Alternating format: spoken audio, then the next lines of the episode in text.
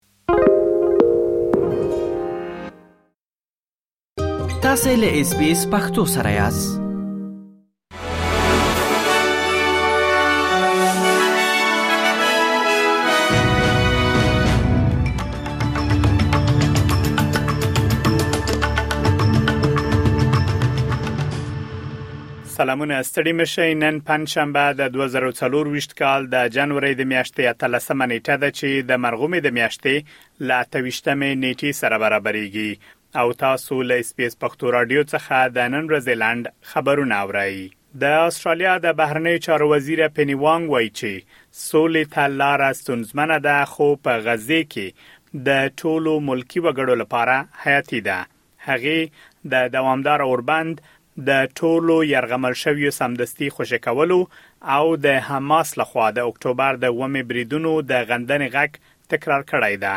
نوموړې وايي، په غزې کې له ولسي خلکو سره په خبرو کې څرګنده شوې ورته چې شخړه د هر چا په زیان ده.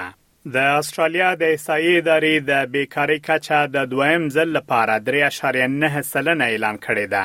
سره له دې چې په کار کې د استرالیانو شمیر کم شوی، مګر د بیکارۍ کچه پر خپل ځای پاتې ده.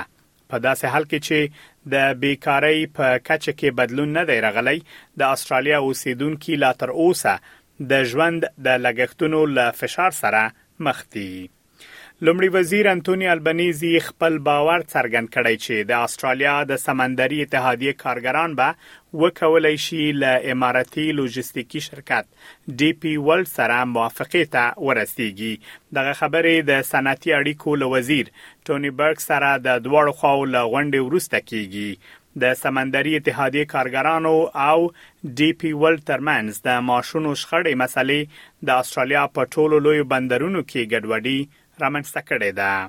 پاکستان د ایران په ځینو سیمو کې بریدونه ترسره کړي، د ایران له بریدونو وروسته پاکستان د ایران په خاوره کې ځینې هدفونه ویشتلي دي. دوه ورځې وړاندې ایران په پاکستان کې بریدونه ترسره کړل، ایران ویلي و چې موخه یې د ایراني ترهګرو په نښه کول دي. د ایران له بریدونو وروسته نن سهار پاکستان ویلي، په ایران کې یې ځینې هدفونه ویشتلي دي. د پاکستان د بهرنیو چارو وزارت ویلي، د ایران په سیستان او بلوچستان کې یې د ترهګرو پټنځایونه په نښه کړي دي. دا هم یو ورزشي خبر، د هند او افغانستان ترمنځ د شل اوریزو لوبو سیریز پای ته ورسېد. هند له افغانستان څخه درې وړه لوبې وګټلې او د دواړو هیوادونو ترمنځ د شل اوریزو لوبو سیریز یې په خپل نوم ثبت کړ.